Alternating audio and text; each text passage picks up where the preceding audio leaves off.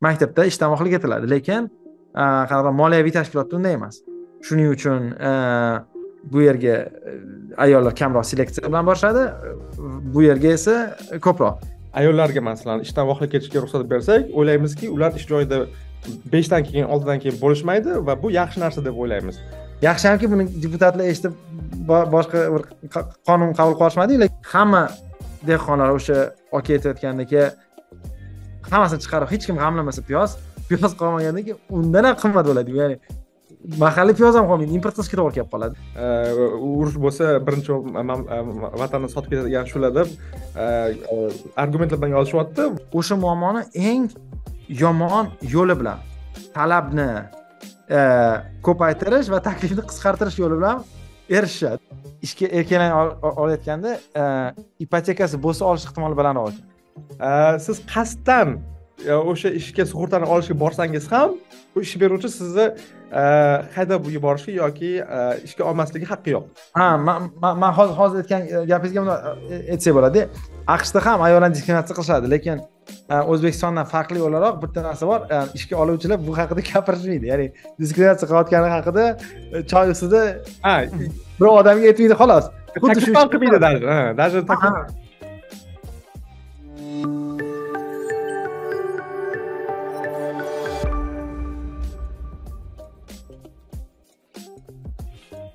assalomu alaykum hurmatli tinglovchilar va tomoshabinlar o'zbekonomics podkastining navbatdagi soniga xush kelibsiz siz bilan har doimgidek men botir qobilov va behzod hoshimov assalomu alaykum behzod yaxshimisiz assalomu alaykum botir aka assalomu alaykum qadrli tinglovchilarimiz va э, youtube orqali bizni kuzatayotgan э, э, nima deydi obunachilarimiz. Botir aka sizni ko'rgandan xursandman eshitib turganimdan. Yana podkastni yozganimiz vaqtida yozayotganimiz yaxshi bo'ldi degan umiddaman.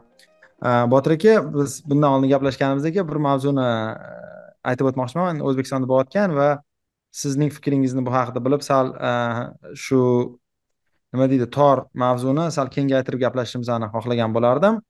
E, mavzu quyidagicha o'zbekistonlik deputat alisher qodirov doimgidek doimgidek deyolmayman odatdagidek desa bo'ladi. Chunki birinchi marta emas bu fikrini oldinga surgani. Bir g'oya bilan chiqdi. Aytdiki e, ayollarni ish soatlarini qisqartirish taklifi bilan chiqdi. Ya'ni e, kelinglar masalan ishxonalarda ayollar bir soat kechroq kelib bir soat vohliroq ketishini yo'lga qo'yaylik. Axir bola chaqa katta qilish uchun va uy yumushlari shu sabablarga ko'ra ayollarga kamroq ish soati bersak e, yaxshiroq bo'ladi degan bir fikrni oldinga surdi. Tabiiyki tabiiyki emas. Yaxshi hamki e, ijtimoiy tarmoqlarda ko'pchilik ayollar ham erkaklar ham bu g'oya noto'g'ri ekanligi bu g'oyani e, salbiy ta'sirlari bo'lishi mumkinligi haqida o'z fikrlarini e, nima desam ekan o'rtoqlashishdi. Shu fikrga ya'ni o'sha inson haqida yoki deputat haqida emas umuman fikr qanaqaki qandaydir guruhga yordam berish uchun qandaydir davlat yoki hukumat qandaydir yordam berishga harakat qiladida va bir xillarida ma'lum ko'pincha aynan o'sha guruhni eng katta ehm, taqdirga solib qo'yadi. Ya'ni eng katta noto'g'ri ishni qilib qo'yadi. Va mana shu misol bu e, mulohazani chiroyli ochib beradi sizningcha ya'ni ikkita savol. Birinchisi nima uchun aynan o'sha taklif noto'g'ri? Ikkinchisi umuman olganda nima uchun shunaqa takliflar e, chiqib turadi va nima uchun deb o'ylaysiz e, o'shanaqa takliflar ehm, haliyam ko'pchilikni nima deydi anaqasida fikrida. Bir marta studentlarni uylari haqida gaplashganmiz u yerda ham shunga o'xshagan bir diskussiya bor edi o'shanga shu savolni sizga bersam. Rahmat anaqa kirish so'z uchun kontekst uchun manimcha ko'pchilik uchun anaqa tushunarli bo'ldi deb o'ylayman. To'g'ri aytasiz bunaqa savol ikkita savol to'g'ri qo'ydingiz ikkinchisidan boshlasam nimaga bunaqa savollar yoki nimaga bunaqa yordam berish uchun ko'mak berish dasturlari yoki subsidiyalar yoki qanaqadir takliflar chiqib keladi deb chunki o'ylaymanki avvalambor o'sha eh, alisher qodirov deputat yoki boshqa vazirliklar birinchi navbatda yaxshi niyat bilan qilishadi deb o'ylayman. Ya'ni eh, o'ylaymanki ular qanaqadir beg'araz niyatlar bilan va haqiqatdan ham o'sha targetlangan eh, guruhga yordam beramiz deb o'ylashadi va qandaydir bir taklif berishadi. Bu vaziyatda siz aytganingizdek ya'ni ayollarga ishdan vohlik ketish va bu natijasida ular o'sha uylariga vaqtli borish farzandlarga qarash va hokazo va hokazo degan argumentlarni keltiribdilar. Va siz aytgandek ko'pchilik e, qarshi chiqdi va man rosa xursand bo'ldim. Ya'ni e, aytishyaptiki ko'z qo'yaman deb e, qosh chiqarib qo'ymaylik. Teskarisi. Qosh qosh qo'yaman qosh qo'yaman deb qosh qo'yaman deb ko'zni chiqarib qo'ymanglar deb yozishdi va man xursand bo'ldim. Va o'zi agar kattaroq kontekstga qarasak o'zi har qanday qaror masalan mutasaddi bo'ladimi yoki insonlar o'z kundalik hayotida qanaqadir qaror qabul qilishadimi har doim biza ikkita narsani inobatga olishimiz kerak. Birinchisi shu qarorlarimizni ko'rinadigan oqibatlari bor. Masalan e, va ko'rinadigan oqibatlar asosida ko'p qarorlar e, kalkulyatsiya qilinadi. Masalan biza qanaqa bu qaror qilsak e, natijalari a b va gda bo'ladi va bo'ldi deymiz. Lekin eng muhimi shu o'zi iqtisodiyotda ham masalan adam smitga chiqarib borsangiz ham basiyat adabiyotda ham ko'p aytishadi yozishgan va o'zi har qanday qaror qoidani e, ko'rinmaydigan tarafi bor. U ingliz tilida o'sha e, kutilmagan oqibatlar qonuniyati degan narsa bor. Ya'ni har bir qarorni natijasida ko'rinadigan va ko'rinmaydigan oqibatlari bor.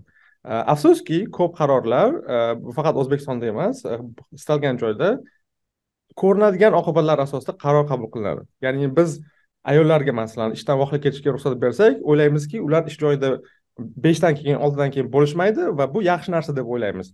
Lekin ko'rinmaydigan oqibatlari esa o'sha ba'zi tadbirkorlarimiz ba'zi ijtimoiy tarmoq e, foydalanuvchilari aytganidek o'sha ayollarni o'ziga va umuman ayollar guruhiga e, qarshi ishlab qo'yadi. Masalan e, ish hozirda ishlayotgan ayollar Э, o'z ishlarini yo'qotishlari mumkin va umuman kelajakda o'sha vakansiyalarga e, kandidatlar kelayotganda ish beruvchilar tabiiyki ayollarga e, ayollarni inkor qilishga va erkaklarni ko'proq olishga moyilligi paydo bo'ladi. Chunki e, kimdir qandaydir deputat qandaydir inson shunday taklif berdi va ayollarni imkoniyatini oshirish oshiraman deb aksincha tushirib qo'ygan bo'ladi va bunaqa biza misollarni ko'p ko'rganmiz masalan xuddi shu Э, kontekstda qoladigan bo'lsak kvotalar e, bilamiz masalan chet ellarda e, katta korxonalarni e, наблюдательный sovetlarida ayollarni sonini ko'paytirish kerak degan kvotalarni qo'yish natijasida aynan o'sha ayollar soni fiksированный qolgan bo'lsa ham lekin ayollarni imkoniyatiga qandaydir ma'noda bolta urib qo'ygan. Ya'ni o'sha kvotalarni o'sha direktorlarni ayollari qizlari singillari bilan to'ldirilishi boshlagan va kvotalarda to'ldirilayotganda ya'ni o'sha o'sha e, e, vazifalar lavozimlarni to'ldirilayotganda meritokratiya qandaydir ma'noda yo'q bo'lib ketgan. Shuning uchun bizani kontekstda ham e, man mana shu narsaga urg'u bermoqchi edim. Ya'ni o'sha ko'rinadigan va ko'rinmaydigan oqibatlarni biza albatta inobatga olishimiz kerak. Niyat qanchalik yaxshi bo'lsa mana formulировка qilsak bo'ladi masalan ko'rinadigan ko'rinmaydigan dan tashqari mana bunaqa qilsak masalan xohlagan oqibatlarimiz qanaqadir e, qarorni va bo'ladigan oqibatlar. Ya'ni qarang biz xohlayapmiz bir narsani lekin masalan xohlayapmiz ayollarda ko'proq bo'sh vaqt bo'lishini deylik. Lekin natijada ayollarni e, deylik mehnat bozoridagi imkoniyatlarini judayam keskin qisqarib tashlaydi. Shu masalan hozirni o'zida ham ayollarni ayniqsa yosh ayollarni mehnat bozorida o'zbekistonda ham boshqa mamlakatlarda ham nihoyatda e, katta nima deydi diskriminatsiyasi mavjudda. E, masalan diskriminatsiya eksplitsit ma'noda ya'ni ayollar ishga olishmaydi implissit ma'noda ham bor. Masalan g'arbda shunaqa bor. Ya'ni hozir o'zbekistonda masalan ko'p ayollar kandidatlik kelsa e, gaplashsangiz ayniqsa masalan institut bitirgan yoshdagi ayollarga ularga shunday e, so'rashadi. Erga tekkanmisiz deb so'rashadi. Sababi farzand ko'rish anaqasi bormi? Ya'ni ehtimoli mavjudmi? Endi farzand ko'rish ehtimoli mavjudligini nimaga so'rashadi? Chunki ayniqsa agar davlat korxonalari bo'lsa ular dekretga chiqib ketish haqqiga ega va shu e, narsa deb ular deylik mutaxassisni yo'qotgisi kelmaydi. Ya'ni shu qanaqadir g'alati o'yin bo'ladi. Qonunan buni so'rash mumkin emas. Lekin o'sha g'arb masalan amerika o'xshagan mamlakatlarda buni so'rasha olmaydi ya'ni uni sudga berish mumkin.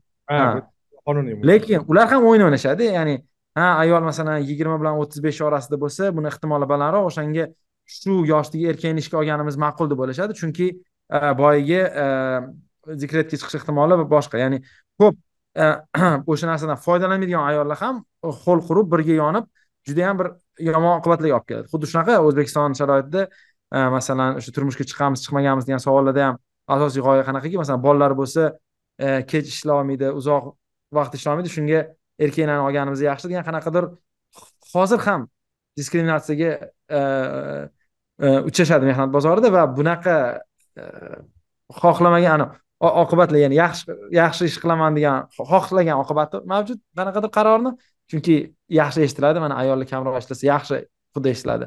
Lekin dunyo ideal emas bo'lgani uchun o'sha qarorni asl oqibatlari bor. Ya'ni asl oqibatlar har doim xohlagan oqibatlar e, bilan e, bir xil bo'lmasligi mumkin. O'shanga ham hozir aytdingizu e, qosh qo'yaman deb ko'z chiqarish. Ya'ni o'zi qosh qo'yish maqsad lekin ko'z chiqib ketadida e, e, ya'ni hech kim ko'zi chiqaraman deb qosh qo'ymaydida. Shunga ham e, o'ylaymanki mana shu metafora anaqa. Man sizga hozir bitta misol beraman. Mm, manimcha xuddi shunaqa e, g'oyasi. Esingda bo'lsa biz mana shu podkastda ham va o'zimiz birga ham gaplashuvdikki mana bu studentlarni arendadan chiqarib yuborish haqida bir diskussiya bo'lgan edi anaqa ruslar kelganda arenda narxi oshgan studentlar e, uysiz qolganida e, man bir taklifni o'qidim. Twitterdan ham qayerdadir ham yo'q yo'q meni botimga kelgan studentlar guruhidan Э, quyidagi taklifni э, anaqa qiling э, nima deydi tarqatishga yordam bering deb kelgan. Taklif quyidagicha man man uni tarqatmaganman hozirgi taklifni aytaman. Taxminan so'zlarda. Taklif quyidagicha. Agar qaysidir xonadonda studentlar arendaga olayotgan bo'lsa qonunan ularni e, chiqarib yuborish va o'quv davomida e, ijara narxini oshirishni taqiqlash haqida e, qaror qabul qilaylik degan studentlar guruhi faollar guruhi shunaqa bir taklif yozib chiqishgan. Ya'ni men telegramda ko'rdim mana shu. O'zimga kelganda. Va men endi ularga yozmadimku chunki endi ular e, hissiyotlarida buni yozishga man tushunaman. Yosh e, talabalarga bu qiyin masalan uyni yo'qotish boshqaku. Lekin mana mana shunaqa qaror agar xudo saqlasin kuchga kirganda e, nima bo'lardi sizningcha? Gipotetik misolni keltiraylik deylik toshkent shahrida yoki o'zbekiston respublikasida agar talaba uyini ijaraga olayotgan bo'lsa birinchisi uni o'quv paytida chiqarish mumkin emas. Ikkinchisi anaqani oshirish mumkin emas. Anaqa degan stipendiya darajasidan ko'p oshirish mumkin emas degan. Misol uchun stipendiya o'n foizga oshsa ijarani shunga oshirish mumkin degan bir taklif qilaylik deb yozishganda man ularni tushunaman anaqasini sentimentinida yaxshi hamki buni deputatlar eshitib boshqa bir qonun qabul qilib lekin mana mana shu qonun nimaga xato deb o'ylaysiz? Vaholanki niyati yaxshi bo'lsa ham. Э, ha bu to'g'risida gaplashgandik lekin э, o'sha э, savolga javoban masalan talabalarni gapiga quloq solib chiqarib yuborish mumkin emas va narxi o'n foizdan oshmasin desak birlamchi oqibati tabiiyki o'sha bozordagi e, kvartiralarni оборотini e, kamaytiradi sonini. Masalan men kvartiram e, kvartirani topshirayotgan bo'lsam ya'ni mani o'zimni ikkita отдельный kvartiram bo'lsa va undan man mo'maygina daromad olish natijasida shu bozorga o'z kvartiramni E, bozor narxida berayotgan bo'lsam va kimdir ertaga kelib e, o'rtoq e, bozorda oshgan talab natijasida shu ruslar kelgan natijasida san kvartira narxini oshira olmaysan deb cheklov qo'ysa tabiiyki man talabalarga emas boshqa odamga berishni xohlayman yoki umuman kvartiramni оборотdan chiqarib qo'yaman.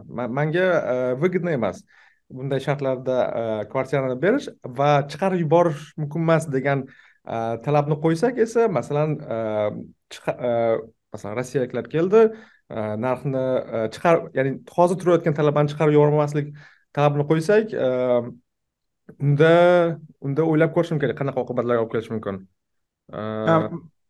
Aytgan narsa keyingi gal e, ijaraga berayotganda o'sha ijaraga beruvchingiz o'n marta o'ylaydi aniq talaba emasmisizlar deb. Ha ya'ni to'xtang shart shartnoma bormi yo'qmi shartnoma yo'q to'g'rimi hozirgi?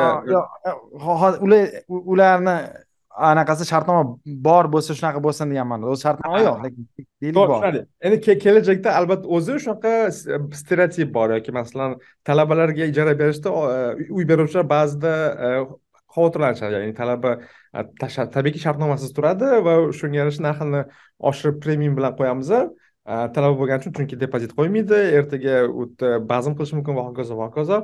Va ertaga shunaqa ikkita yana qo'shimcha shart qo'yilsa man uyim masalan man kvartira beruvchi sifatida keyingi safar e, siz aytgandek skrining qilaman yoki noqonuniy bo'lgan narsalarni ham man so'rab olaman. San talabamisan necha yil o'qiysan e, kontraktda o'qiysanmi byudjetdami? E, Talabaligingni bilsam man talabaga kvartiramni bermaslikka harakat qilaman. Va natijada o'sha sizdan yordam so'ragan talabaga takliflar soni kamayadi.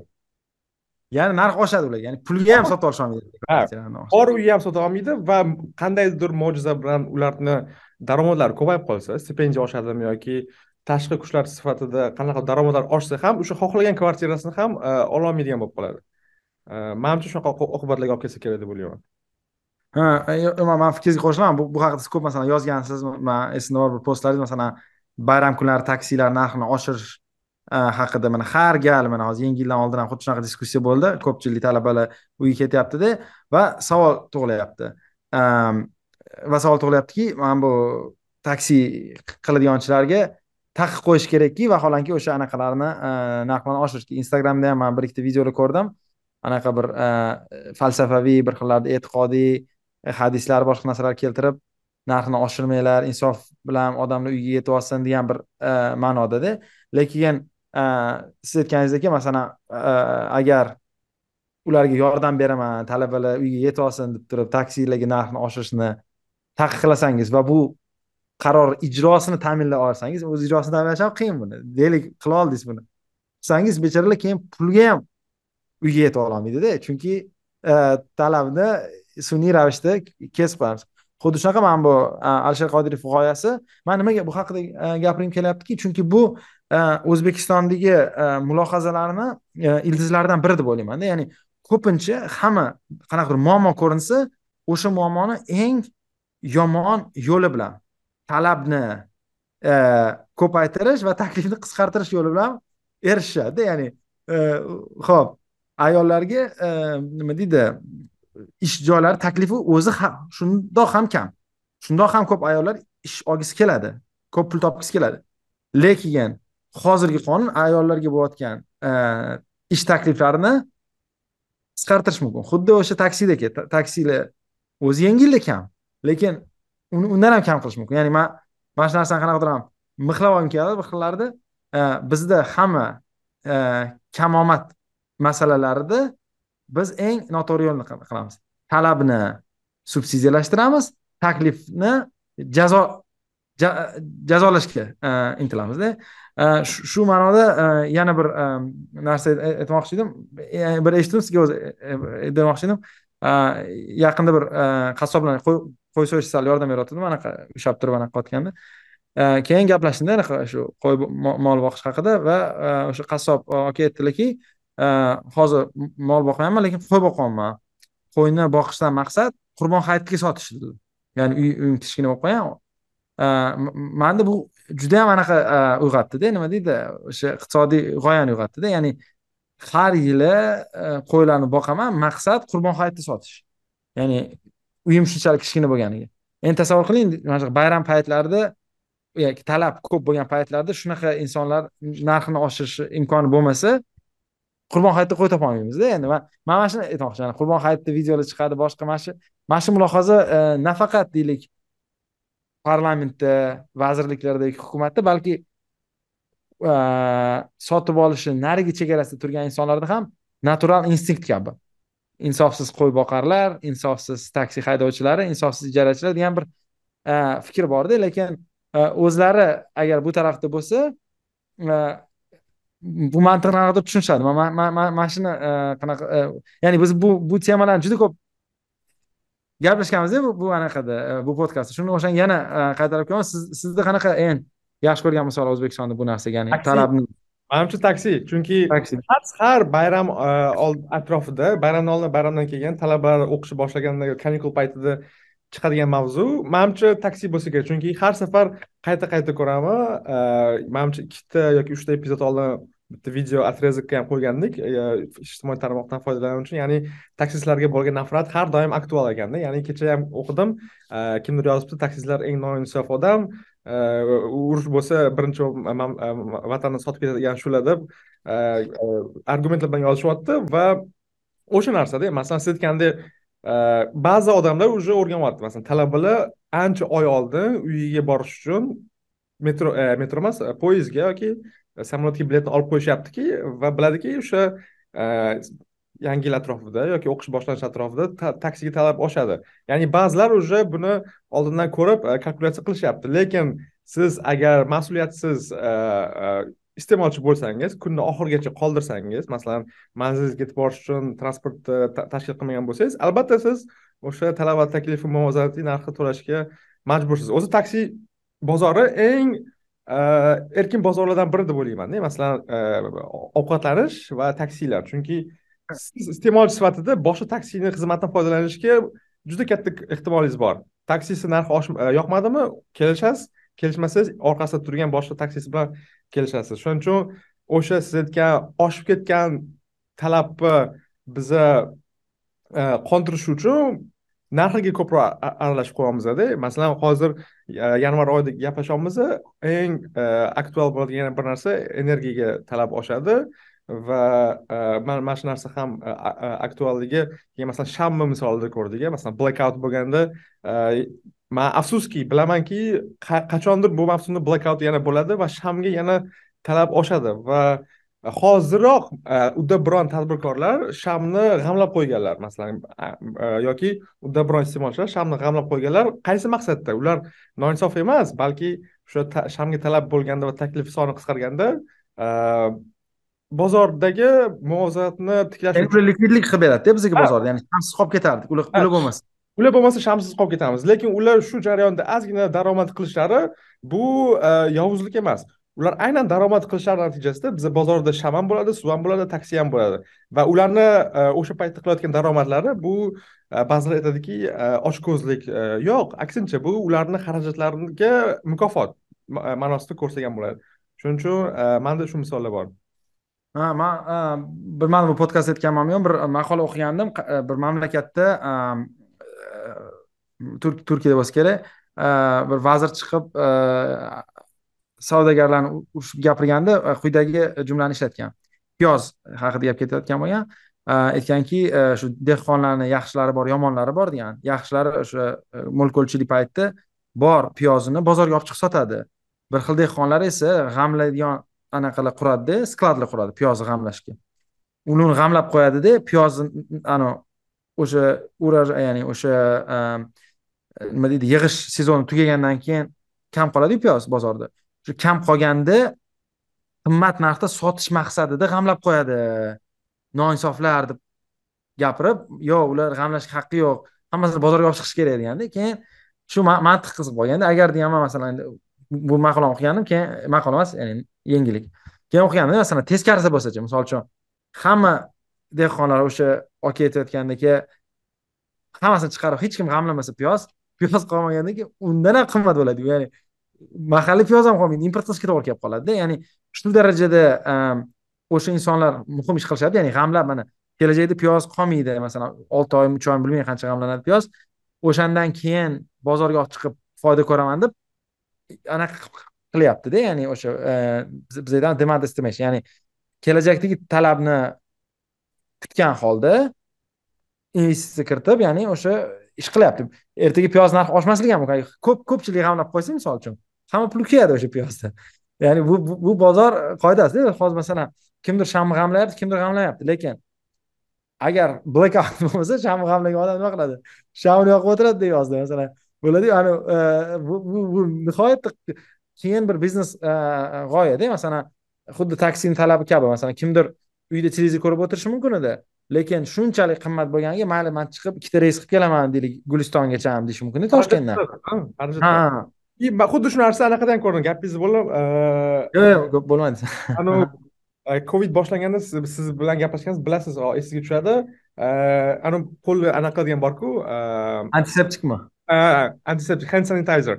Adashmasam shu new york timesda chiqqanda antiseptik maska va tibbiyot birlamchi mahsulotlarini aka ukalar tennesimi qaysi shtatda g'amlab qo'yishgan ha garajda garajga tiqib garajga hamma narsani lekin davlat keldi e, mahalliy e, e, huquq tartibot organlari keldi va ularni siz qildi. Ya'ni o'sha tovarlarni olib qo'ydi va sota olmay qoldi. Shu siz aytgandek ular o'ylagandiki buni g'amlash natijasida bozorda kamomad bo'lganda biz chiqamiz bozorga va likvidlikni ta'minlaymiz va natijada shu xarajatlarimizni qoplash uchun qanaqadir rag'bat olamiz deb o'ylashgan. Lekin bitta politsiyachi keldida magazinni yopdi garajni yopdi sota olmaysizlar sizlar muttahamsanlar ijtimoiy tarmoqlarda ham odamlar ham yozyapti qanaqa qilib sizlar bunga jur'at qildinglar? Biza bitta ham sanitayzerimiz yo'q sizlar besh yuz mingta sanitayzerni g'amlab qo'yibsizlar degan bosim natijasida ular ularnikini olib qo'yishdi e, keyin anaqa qilishdi nima edi konfiskatsiya qilishdi. Endi ular siz aytganingizdek xuddi anavi shamni g'amlab qo'yganlar sotolmasa uyda yoqib o'tirganda ular ham sanitayzerni oxirida nima qildi? E, tekinga donation qilib yuborishdi. Masalan e, aytishdiki mayli mana biz endi yaxshi maqsadda g'amlab qo'ygandik lekin siz kerak bo'lsa mana olinglar deb Э, donation qilib shu shu joylarga aynan shu anaqa misol bo'ladiki narxlanishiga aralashish natijasida e, o'sha ya'ni siz aytgandek anavi taklifni jazolash natijasida biza bozor o'ziga putur yetkazib qo'ygan bo'lamiz. Shuning uchun e, shunaqa deb o'ylayman. И qarang keyin yana bitta narsada agar sal uzoqlashdik boshida narsa alisher qodirov aytgan deputatimiz aytgan taklif masalan lekin bor muammoda uni okey ho'p bunaqa bo'lmasa nima qilish kerak? deganda man bitta narsa to'g'risida o'ylab ko'rdim. Ya'ni imkoniyatlarni o'zi oliy maqsad imkoniyatlarni tenglashtirish. Masalan mhm. ish joyida imkoniyatlarni tenglashtirmoqchi bo'lsak shu ayollar bilan erkaklarni imkoniyatini tenglashtirmoqchi bo'lsak man o'ylaymanki biza bunaqa g'ildirakni ixtiro qilib o'tirmasdan yoki aynan shu ayollarga zarar yetkazadigan instrumentlardan foydalanmasdan biz hammaga imkoniyatlarni tenglashtirish qanaqa? Man o'ylayman sizni ham fikringizni bilmoqchiman aytaylik davlat ishlari bor davlat ishlar rasmlarda chiqadi bayramlarda videolarda rasmlarda и yozamiz yoziladi. Qani bu yerda ayollar? Bitta ham ayol kishi yo'q hech kim yo'q ayol elchi yo'q ayol ishchi yo'q e, va hokazo va hokazo. E, endi masalan bunaqasi bor.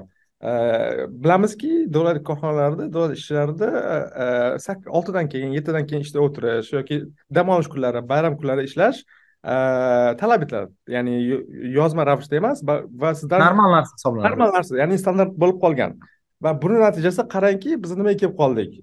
Siz davlat ishida ishlasangiz bu normal holat. Ertalab to'qqizdanmi sakkizda kelasizmi lekin oltida ketish o'sha e, mehnat kodeksida yozilgandek oltida ketish bu norma emas. Oltida ketsangiz siz e, bosh qo'zg'olon qilayotgan ishchi sifatida ko'rilasiz va endi yetti sakkiz to'qqiz o'ngacha qoladigan e, ishchilar bor. Asosan ular e, erkaklar.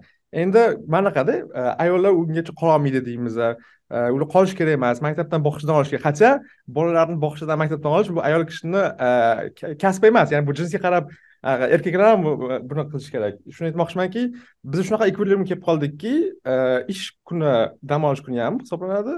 Oltidan keyin ham ishda o'tirasiz. Va shuni natijasida ishga olayotganingizda siz bilasiz davlat korxonasini rahbari sifatida manga yakshanba kuni ham shanba kuni ham ishlab beradigan ishchi kerak. Siz ayol kishi bo'lsangiz uyingizga borar ekansiz ketar ekansiz yoki kimdir ertaga taklif beradi ularni voqeroq qo'yib yuboringlar deb. Shuning uchun manga ishlaydigan odam kerak edi. Xohlaysizmi xohlamaysizmi? Ya'ni siz diskriminatsiya qilishni xohlaysizmi xohlamaysizmi? Erkaklarni ko'proq olishga majbur bo'lasiz. Shuning uchun man aytmoqchimanki kelinglar shu ish jarayonida E, agar biz haqiqatdan ham imkoniyatlarni tenglashtirmoqchi bo'lsak yoki ayollarga yordam bermoqchi bo'lsak universally hamma uchun e, mehnat kodeksiga rioya qilgan holda oltida ketish bu normallashtirish kerak. E, faqatgina ayollarga vohiyroq ya'ni vohiyroq degani oltida ketish ruxsat berish emas balki erkaklar ham oltida ketishi normal bo'lsa o'shanda biza bunaqa kvazi instrumentlardan foydalanishga yo'l qolmasdi deb o'ylayman. Siz nima deb o'ylaysiz? Shu shu to'g'risida ya'ni yechim sifatida. Qarang man unaqa o'ylayapmanda bu gap to'g'ri. Ya'ni bu yerda qanaqadir seleksiya mavjudmikin deyapmanda umuman masalan hamma biladiku qanaqa korxonalarda kecha o'tiriladi qanaqa korxonalarda voqlik ketiladi masalan ko'pchilik biladi nima uchun ayollar deylik ta'lim sohasida faoliyat olib borishni sabablaridan biri ham shuki maktabda masalan sakkizdan keyin hech kim qolmaydida ya'ni ikki uch to'rt beshlarda ketiladi o'qituvchi bo'lsangiz lekin qanaqadir davlat korxonasimi vazirligimi boshqa narsa u yerda kechgacha o'tirilishi kerak. O'shanda seleksiya qismi ham bor ya'ni ayollar buni bilgan holda ularni hayotiga bu to'g'ri kelmasligini bilib turib ham e, topshirish ham kamroq. Shunga hozir e, mana bu davlat ishlari e, ishxonalarida nega ayollar kam desangiz bitta argumentlardan biri shuki masalan bizga deydi erkaklar bilan ayollarni hujjat topshirishda ishxonaga yigirma barobar ayollar kamroq topshiradi. Har masalan yuzta заявлениеdan atigi masalan o'n sakkizta yigirmata ayol topshiradi saksonta erkak topshiradi. Ya'ni o'zi statistik ma'noda biz diskriminatsiya qilmaymiz bizda o'zi qirqqa oltmish vaholanki yigirmaga sakson boshlanishda deb argument berishadi. Sababi buni boyagi aytgandagi e, seleksiya deb ham bo'lyapti. Ya'ni bozor biladi qayerda qanaqa ish sharoitlari. O'sha sharoitlardan kelib chiqib e, ayollar e, nima deydi? Diskriminatsiya mavjudligini bilgan holda xuddi diskriminatsiya bordek harakatlanishadida e, o'zini nima deydi ishlarda. Shunga agar e, bu oltigacha davlat ishxonalari qisqarsa man qo'shilaman bunga. Ya'ni bunga yaxshi dalillardan biri davlatga tegishli bo'lgan boshqa sohalarni qarashimiz kerakda. Masalan vazirlik boshqalardan tashqari masalan maktab davlatga tegishli e, joy asosan ayollar o'qituvchilik qiladi. Nima uchun? Chunki boyagi aytilgan gap. Chunki hamma tushuncha mavjudki maktabda ishtamoqlik etiladi. Lekin qanaqa moliyaviy tashkilotda unday emas. Shuning uchun bu yerga ayollar kamroq seleksiya bilan borishadi bu yerga esa ko'proq. Shu bilan birga masalan o'zbekiston mehnat bozorini yomon taraflaridan biri shuki o'zi ish joylari kamda ya'ni juda yam katta raqobat mavjud. O'sha shunaqa katta raqobat mavjud bo'lgan joyda ozgina muammo ham ozgina ya'ni ish e, ishlaydigan odam e, nuqtai nazaridan muammo ham masalan kam soat ishlashi yoki inflexibility deyiladi. Ya'ni anaqa mm, e, xullas kunini belgilamasligi ham katta anaqalarga olib keladi. Nima deydi? Salbiy oqibatlarga olib keladi. Buni eng yaxshi man ko'rgan misollardan biri bu aqshdagi uber kompaniyasi haqidagi yozilgan tadqiqot bo'lgan. Manimcha linkini tashlab beraman. Sizga xohlasangiz beraman o'qigan bo'lsangiz kerak. Yoki o'qigan. Nimaga ayollar uberda kamroq pul topadi erkaklardan o'qigansiz bu anaqani? Eslatib ko'ring. Xullas mana bunaqa argumentda qarang uberda klient tanlamaydi jinsini haydovchini demak diskriminatsiya po faktu mavjud emas. Ya'ni ayollarga kam masalan aqshda g'oya qanaqaki ayollar kamroq topadi erkaklardan. Endi savol bor nima uchun?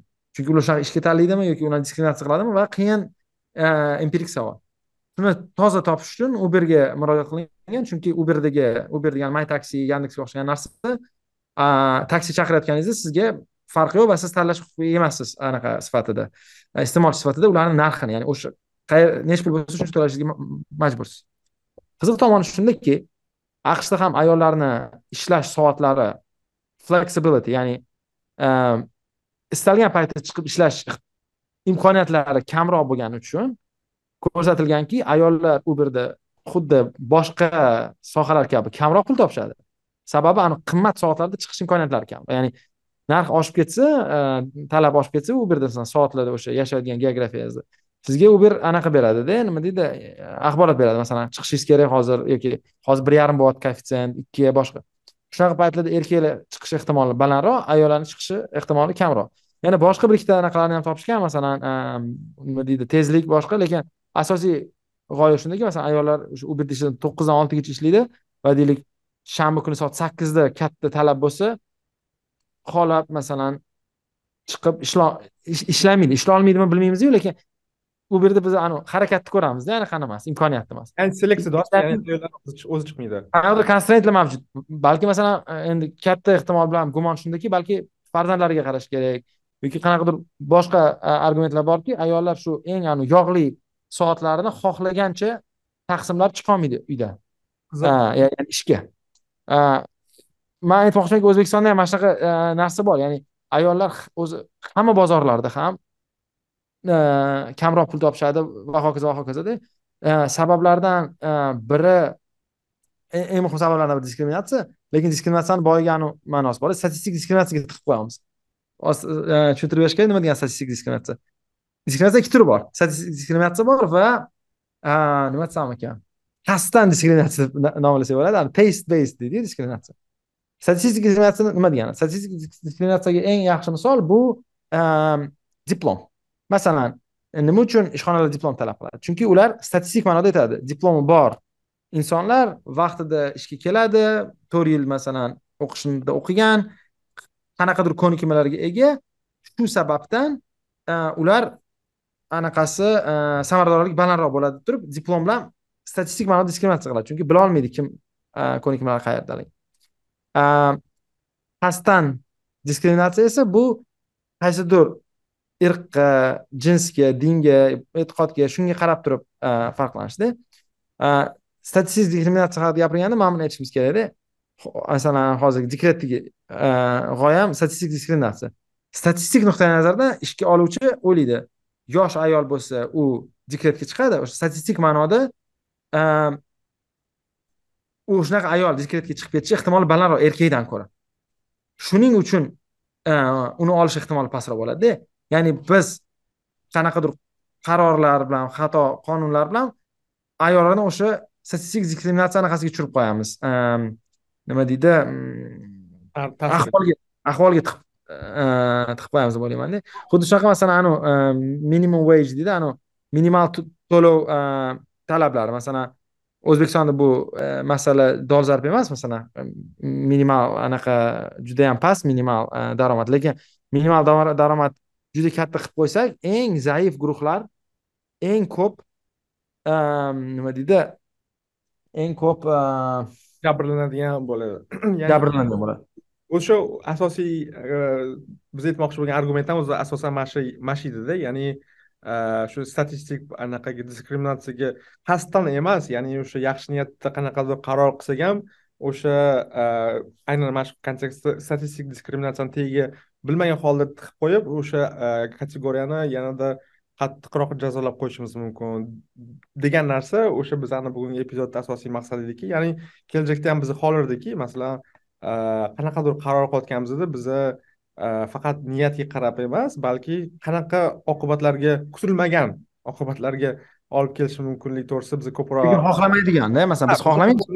biz xohlamagan kutmagan va ko'zda tutmagan oqibatlarga qanaqa kelib qolishi buni analiz qilish qiyin emas. Masalan buni biz qayerdan bilib o'tiribmiz deyishligi mumkin lekin bu unchalik e, qiyin emas. E, misollar ham ko'p va buni e, faqat nazariya emas empirikada ham ko'p joylarda ko'rasiz uber aytgan misolingiz ham qiziq bo'ldi. Linkni tashlab ketamiz pastda nbr anaqa ko'rdimda draft ko'rdim. Ikki uch yil oldin manga qiziq qiziq lekin hozir argumentimiz hamma statistik diskriminatsiyaga kelib qoldida ya'ni ayollar e, statistik diskriminatsiya haqida argument. U selection aynan anaqa albatta anaqa siz e, biz aytayotgan narsa faqat e, masalani bitta tarafi ikkinchi tarafi u qasddan qasddan qismi ham mavjud ha. Ya'ni qasddan qismi judayam anavi kurashish qiyin bu ijtimoiy psixologik ko'p yillar o'zi muammo mavjud.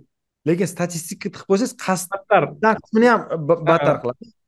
Masalan aytavering uzr gapingizni bor ha yo'q yo'q man man man nima demoqchiman hozir statistika misol mana bu. Alisher qodirovga yana qaytib keladigan bo'lsak nima demoqchiman statistik? U aytyaptiki ikki soat kamroq ishlashsin deyapti ayollar. Endi bu qonun hamma ayollarga taalluqli bo'lgani uchun e, ikki soat kam ishlamoqchi bo'lmagan ayollarni ham jabr e, ko'rsatadida ya'ni yo man to'qqizdan oltigacha ishlayman desangiz ham yo'q yoki farzandimni erim olib ketadi yoki voqea ketishga shart emas degan odamlarga ham ta'sir qiladi deyapsizda shu shu shu ha. Keyin man yana bir nima deydi anekdotal evidence haqida aytaman.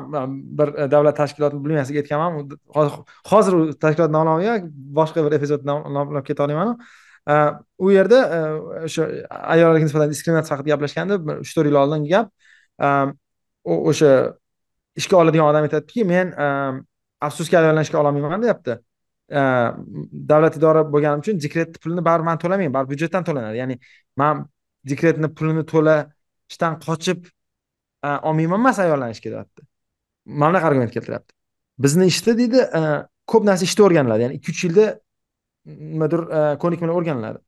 Endi man qanaqadir yangi e, anaqani mutaxassisni olsam institutdan keyin uni ikki uch yil o'rgatsam va u dekretga chiqib ketsa man bu jarayonni boshidan qilishim kerak. Chunki ikki uch yil shunaqa ko'p vaqtga endi meva berayotganda ular dekretga chiqib ketish ehtimoli bo'lgani uchun man deydi man bunaqa risk qilolmayman deyapti. Chunki u ya'ni bu yerda ikkita narsa borda ko'pchilik ham dekret ayollar boshqa e, haqida gapirganda aynan o'sha korxona yoki o'sha tashkilot pul to'lashi nuqtai nazaridan gapirishadida ikkinchi qismi bor e, u mutaxassisni yo'qotishi nuqtai nazar qismida ham bor. Ya'ni o'shani e, kutgan holda e, antisipatsiyasi ham mavjud ekanda va man hayron qolganman o'sha inson xuddi iqtisodiyot kitobidan kelib gapirgandek bo'ldida. Ya'ni e, ya'ni manda pul emas chunki pulni man to'layman balki byudjet to'laydi manga farqi yo'q lekin man boshidan o'qitib boshidan ko'nikma qilgim kelyapti chunki har ikki uch yilda yo'qotishim anaqasi maqsadga muvofiq emas chunki uch yildan keyingina ular manga foydali. Birinchi uch yilda foydasiz. Ani ixtiyoriy mutaxassis deyapti. O'shaning uchun men e, yoki oilasi bolalari bor ayollarni olaman ishga kelyapti boshqa ishlardan kelsa. Lekin institutni endi bitirgan bo'lsa erkakni olaman. Masalan bu gapi ko'p korxonalarda e, ko'p davlatlarda g'irt уголовщина gapda. Ya'ni kriminal masalan aqshda bu gapni gapirsangiz albatta. e, sudga tortiladigan gapda. Aqshdagi mehnat bozorini ham ozgina o'rgandimda aynan mana shu ayollar. Masalan bilasiz aqshda e, sug'urta tibbiy sug'urta ishchiga bog'langan. Masalan siz ishlamasangiz tibbiy sug'urtangiz e, olish qiyin emas talaba bo'lmasangiz. Endi qarab turing bu farzand ko'rish tug'ish jarayoni aqshda juda yam qimmat masalan manga qiziq tuyuldiki ishga olinayotganda paytda e, ayol kishi homilador bo'lsa e, homiladorligi vizual ko'rinishda ko'rinmasligi ishchilar o'shanga qarab ham qandaydir e, salbiy natija ya'ni ishga olmasa sudga berishingiz mumkin. Va eng muhimi masalan aynan tibbiy sug'urta olish uchun va tibbiy tibbiy xizmatlardan foydalanish uchun ishga borib masalan u joyda siz bilasiz dekretga olti oydan keyin chiqib ketasiz. Yarim yil ishga qaytib kelmaysiz. Yarmini ishxona to'lab beradi qolganini shtat to'lab beradi va siz qasddan o'sha ishga sug'urtani olishga borsangiz ham u ish beruvchi sizni haydab yuborishga yoki ishga olmasligi haqqi yo'q. Shu shu joyda ya'ni ya'ni o'sha homilador bo'lganingiz uchun olmaslikka haqqi yo'q.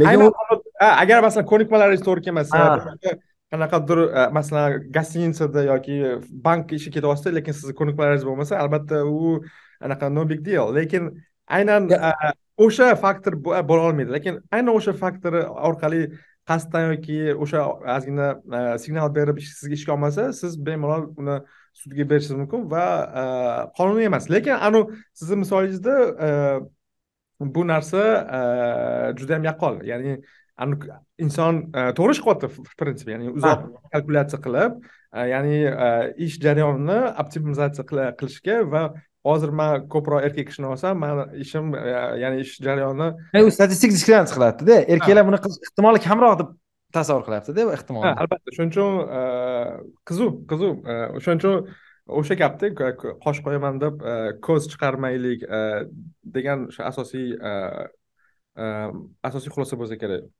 ha man hozir hozir aytgan gapingizga bundoq e, aytsak bo'ladi aqshda ham ayollarni diskriminatsiya qilishadi lekin o'zbekistondan farqli o'laroq bitta narsa bor ishga oluvchilar bu haqida gapirishmaydi ya'ni diskriminatsiya qilayotgani haqida choy ustida birov odamga aytmaydi xolos xuddi shu qilmaydi даже даже ha ya'ni xuddi shu ish qilishadi masalan man hozir mana bu professorlar bozori haqida gaplashganimizda ayollarga berilgan maslahatlardan biri masalan deydi e, uzukni taqmang taqmang deydi anaqaga borganingizda intervyuga borganingizda. Sababi qaysidir jinni masalan quyidagi anavi boyagi mantiq ishlatishi mumkin. Yo bu e, hali e, bola tug'ishi mumkin boshqa deb diskriminatsiya qiladi degangacha tavsiyalar berishadida ayollarga. Shu darajada aqshda ham statistik diskriminatsiya juda kattada ishga otgan. O'zbekistonda bu anavi mehnat qonunchiligi nuqtai nazaridan sudga berish mumkin emas bo'lgani uchun bu eksplissit ya'ni u yerda ham mavjud bu yerda ham mavjud. Biz buni aytishadi bu yerda erishmaydi xolos. Lekin u yo'q deyish uni uni yo'q deya olmaymiz. Ikkovida ham statistik diskriminatsiya qilishadida uzuv deganingizni bitta e, teskari tarafini ham eshitdim man. Qanchalik to'g'ri bilmadim ayollarga uzuk taqmang degan maslahat berishsa o'sha именно professor ish joyida e, erkaklarga uzukni taqing degan anaqani eshitdimda. Yana bitta hamkasbim bor. Xuddi e, hech qachon uzuk taqmaydi lekin e, ish e, ish topish jarayoniga ketayotganda uzukni taqib olibdi. O'ziga manga aytsa bo'lar ekan. Man man taqmasdan ha sizga sizga aytsam bo'lar ekan. Vohiyroq uzuk taqmasdi. Qo'lida uzukni ko'rib qoldim. Uylanganini bilaman ayolni taniyman. Va o'zi aytdiki man signal bermoqchiman. Ya'ni shunaqa bozorga chiqqanda uzuk taqib olsam ish beruvchilar ya'ni boshqa katta professor biladiki men uylanganman va uylansam nima qanaqa buni kalkulyatsiya qilsam aytdiki birinchi bitta varianti bu man uylangan bo'lsam уже ular biladiki man o'z joyimni topdim ya'ni muqim bo'lib qoladi ha ha.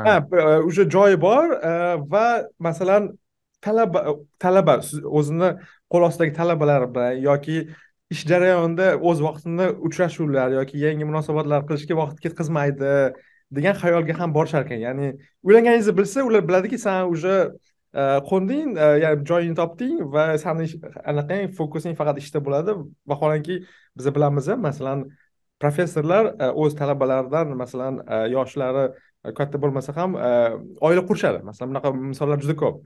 Ya'ni domla talabasiga oila qurgan vaziyatlar ko'p bo'lgan va kelajakda ba'zi ish beruvchilar shuni ham o'ylashi menga qiziq bo'ldi. Ya'ni erkaklar uzuk taqsa shunday signal yuborar ekan. Siz o'shani demak professional bozorida ham boshqa bozorlarda ham mehnat bozori haqida gap ketyapti. Anavi boyagi anaqa ayollarni ishga olmayman degan akani yana bitta juda yam iqtisodiy argumenti bor ediki ishga erkaklarni olayotganda ipotekasi bo'lsa olish ehtimoli balandroq ekan. Chunki deydi ipotekasi bo'lsa deydi u risk qilmaydi ishdan bo'shadida. Judayam anavi mantiqiy argument. Chunki bargaining power bo'ladida e, san ipoteka qayerga borasan ishla yaxshi ishga chiqqin deydi. Ha yo'q u ma'noda emas. Uni argumenti qanaqa? Man uch yil uni trening qilishim kerak ishda deyapti. Faqat to'rtinchi yildan beri manga meva berishni boshlaydi deyapti. A masalan ipotekasi bo'lgan odam e, ishdan ishga sakrab yurmaydi demoqchi. Ya'ni man bu uch yil trening olib turib boshqa joyga e, masalan uch yil trening olib turib spesifik ish ishga bog'liq treningda u unaqa boshqa joylarda qadrlanadigan trening emas o'sha ishxonaga taalluqli trening e, uni tushunib meva berishni boshlaydi. Ya'ni commitment nuqtai nazaridan ya'ni unga ko'chib bir ikki oy o'zini qidirishga bunaqa narsalarga anaqa qilmaydi degan ma'noda. Ya'ni anavi qo'li sal bog'langanroq degan ma'noda ishida ya'ni bu erkaklarni ham shunaqa ma'noda diskriminatsiya qilish mumkin. O'ylaydida agar davlat tashkiloti bo'lgani uchun kulgiligi nimada? Judayam iste'dodli bo'lsa ham olmaydida sizni nimaga? Chunki boshqa joyga ketib qolishingiz mumkin. Unga ma'no siz kamida besh olti yil ishlab berishingiz kerak. Chunki uch yil trenirovka qiladi sizni uch yil ishlab berasiz taxminan. Agar siz judayam iste'dodli bo'lsangiz yoki chetga ketadigan yoki magistraturaga ketmoqchi bo'lgan signal berib qo'ysangiz man shuni mana shu narsani hozir shu to'g'risida gaplashmoqchi edim. Shu bilan keyin tugatsak bo'ladi. Mana shu mehnat bozori to'g'risida gap ketganda hozir magistr dedingiz man shu to'g'risida раз aytmoqchi edim. Ya'ni siz yosh bitiruvchi bo'lsangiz bakalavr bitirdingiz davlat ishiga ishga kiryapsizda siz ingliz tilida o'qigansiz toshkentda ingliz tilidagi bakalavrda o'qigansiz va signal avtomatik ravishda masalan ielts olishim kerak bu grejima tayyorlanishim kerak degan narsalarni intervyuda davlat ish ishida e, signal bersangiz tabiiyki siz aytgandek ularda e, xulosa paydo bo'ladiki bu bola qiz yoki ikki uch yilda bizda ishlab turib keyin magistraturaga suraveradi yoki boshqa aspiranturaga ketaveradi degan e, faraz bo'ladi va men ham ko'rganman ba'zi yoshlar yoshlar mana shu signalni bermaslikka harakat qilishar ekan ya'ni ular jinsdan farqi yo'q buni ha bu jins yoki kasb yoki aqsh aqshda ham bor bu narsa aytgancha siz bekitishga moyilligingiz katta chunki bilasiz ya'ni man ish beruvchi bo'lsam mani ishchim ikki uch yildan keyin ketib yuborishini bilsam man unga nafaqat pul to'lash mayli man pulim cho'ntagimda kelyapti uni ko'nikmalarga o'rgatishim kerak unga qanaqadir invest investitsiya qilishim kerak vaqtimni va o'zimni anaqalarimni va shuning uchun siz talaba bo'lsangiz ya'ni strategiya qanaqa bo'lishi kerak masalan biza hech kimga maslahat bermaymiz lekin strategiya aslida bunaqa narsani reveal qilish kerak emas ya'ni bunday signallarni berib qo'ysangiz kuzatish kerak emas kuzatish kerak emas chunki afsuski o'zingizga qarshi ishlab qo'yadi chunki ish topish jarayonida hatto ko'nikmalaringiz to'g'ri kelsa ham ish beruvchi ko'nikmasi pastroq bo'lgan odam lekin bizda gap bor ha loyal nima deydi o'zbek tilida? Loyal sadoqatli. sadoqatli ishlab beradigan odamlarni olishga moyillik oshadi. Va oxir oqibatda ko'ramizki o'sha meritokratiya emas balki ish joyida shu sadoqatli odamlar soni ko'payadi. Chunki ular ko'p yil ishlaydi magistratura ketmaydi va man ko'rganman ba'zi tanishlarim ya'ni qancha imkoniyatlari kamroq bo'lsa tashqarida bu ishdan. Shunchalik ish olish ehtimoli pastroq. Chunki agar e, yaxshi anaqasi borda masalan uni boya aytganda eshak qilib ishlata olmaydi. E, bor deydi man boshqa joyga ketib qolaman deydi. Ya'ni e, ko'p ko'p ma'noda o'sha ayollar aqsh bozorida uzugini yechish kerak degandagi ma'no borda. Ya'ni ingliz tilini bilaman o'rtacha bilaman deb qo'yganingiz yaxshiroq ya'ni zo'r bilaman chet elda o'qiy olmayman degan ma'noda emas. Yo'q yo'q mana shu yerda man o'zi masalan bitta o'rtog'im shunaqa degan ekan man o'zi bitta o'g'ilman degan ekan ish kirayotganda ota onasi chiqib ketmasin yo'q ketolmayman degan ma'noda. Rostdan ham ketmadi lekin lekin shu anaqa shunaqa so'rashgan ekan. Kelib bizada ketishadi xususiy korxonada. Biza ko'p o'rgatamiz desa yo'q man bir o'g'ilman qolaman degan haqiqatdan aytmoqchi ketmadi ketish imkoniyati bor chunki o'sha aytganingizdek ielts bor chet el universitetida o'qigan lekin oilaviy sabablarga ko'ra ketolmayman degani uchun bilmayman olishganmi lekin shu diskussiya bo'lgan ishga kirayotgandada masalan bu ham qiziq statistik diskriminatsiyada qiziq. Anavi o'zi haqida anavi rayan emasmi bola ha yo'q rayan emas rayan u uchta farzandi bor yo'q u emas boshqa man sizga aytib beraman tomda o'qiydigan boshqa ismi ismi bu bizani podkastni ko'rmasa kerak hech qachon o'zbek tushunmaydi oti ismi keyl bilmadim taniysizmi yo'qmi? Tomda o'qiydi. Hech qachon o'zi taqmaydi hech qachon. Lekin aynan ish bozoriga ketayotganda o'zigini taqqan qolibdi manga shu shu joyi yoqmadi. Chunki rayanni ko'rdimda o'zi taqadi manimcha. O'zi taqadi. Man uni har kuni ko'raman ofisda o'zi taqadi. Lekin man uni konferensiyada ko'rganmanda o'shanga o'yladim rayan konferensiyaga o'zi taqib keldimi deb hozir aytganingizda o'yladim. Yo'q yo'q tasdiqlashim mumkin u har kuni o'zi taqib yuradi. Lekin lekin anavi bola hayotda hech qachon o'zi taqmaydi lekin aynan shu narsani explicitly ya'ni tilda aytib yuribdida. Ya'ni signal berishim kerak man shuning uchun taqib oldim deb bizaga aytib maqtanib yuribdi. Ya'ni argument qanaqa bo'lishi mumkin o'sha sadoqatliligini chunki agar masalan uzuk taqqan erkak boy oilali bo'lsa qayerqadir professor bo'lib kelsa tez ketib qolish ehtimoli kamda. Ya'ni ikki uch yil kamida ishlaydi. Chunki oila bilan ko'chish anavi adres almashtirish maktab almashtirish ancha qiyinroq да chunki bitta misol ko'rdim yaqinda bizga yaqinda professor keldi xuddi shu uzu uylanish atrofida yosh yosh kattaroq professor va biza ovqatlanganda aytdiki man kornelda ishlaydi man ketyapman singapurga ketyapman хотя kornelda yaxshi tenur olgan yaxshi pozitsiyada ishlaydi lekin singapurga ketyapti o'zi osiyolik. Bizga o'sha karyera tomonidan ish jozibali lekin e, uni tanigan boshqa odamdan so'rasam asosiy sabab boshqada ekan. U uylanish uchun e, e, ketayotgan ekan o'sha singapurga.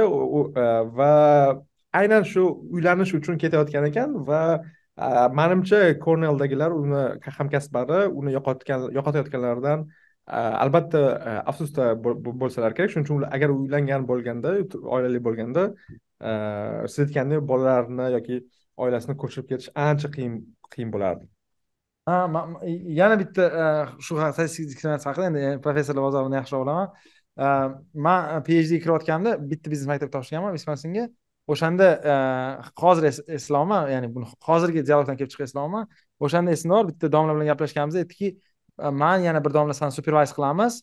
Э, biz э, de bolalarimiz yosh hali kollejga chiqishmagan o'shanga hali ketmaymiz viskonsindan degan g'oya aytgan edida manga shu qiziq ko'rindi. Ya'ni hozir eslayman u manga aytmoqchiki man committedman viskonsinga ya'ni e, to'g'ri masalan tashqaridan qayerdadir ham taklif chiqsa ham manga joyimni almashtirish qimmat. O'shanga man to'rt besh yil bu yerda bo'lishimga ishonib credible signal deydiyu. Chunki bolalarim maktabda endi aqshda maktablarni o'zgartirish e, yaxshi emas deyishadi ayniqsa o'sha kollejdan to'rt besh yil oldin. Shu uchun shu gapni aytgan edi endi manga o'sha paytda bu qanaqadir wix unchalik hozir o'ylasam rostdan ham aytmoqchi bo'lganki qo'rqma biz ketmaymiz chunki e, phd bo'lib qayergadir ketayotganingizda qo'rqasizki misol uchun siz ishlaydigan endi har bir unaqa bo'lmasa kerakku lekin xaridda ham bo'lishi mumkin. Masalan sizlarga tenur olmaganlar bilan ishlamanglar desa kerak e, universitet to'g'rimi? Bizaga ha o'zi aytadi. O'zi aytadi. O'sha professorlar o'zi aytadiki botir deydi. Masalan man bir yildan keyin ikki yildan keyin qolishim qolmasligim haqida universitet hal qilishi kerak deydi. Man ketib qolishim mumkin shuning uchun hozir man bilan ishlamaganing yaxshi. Agar manga bog'lanib qolsang deydi. Man ketganimdan keyin san o'zingga boshqa mentor topishing to'g'ri keladi deydida и o'zi aytadi ya'ni o'zi tili bilan aytadi mana shunaqa o'zini mandan uzoqlashtirgan professorlar ham bo'lgan ehtiyot bo'l man sani o'ylab aytyapman ketib qolsam san boshqa odamni qo'liga o'tishing kerak degan narsalar bor shuning uchun qo'shilaman bunaqa bunaqa narsalar bor lekin o'sha professorim qoldi ha endi man nima demoqchi bo'lganimiz bu hamma bozorda borda bu o'sha boyagi masalan E, tinejerlar makdonaldsda ishlaydigandan ham bor. Anavi e, minimum oylikdan boshlab e, judayam malakali professorlarni bozorida ham bu mana bunaqa statistik diskriminatsiya mavjud va hamma maksimizatsiya qilishga harakat qiladi. Shuni shuning uchun bundan voz kecholmaymiz va statistik diskriminatsiyani yomonlashtiradigan omillar albatta o'sha nima deydi muhofaza qilmoqchi bo'lgan guruhimizga eng katta salbiy ta'sir ko'rsatadi. Desak bo'ladimi bo'ladi manimcha shu bilan yakunlasak bo'ladi. И manimcha bu safar to'g'ri aytaman. Qosh qo'yaman deb ko'z chiqarmanglar xullas.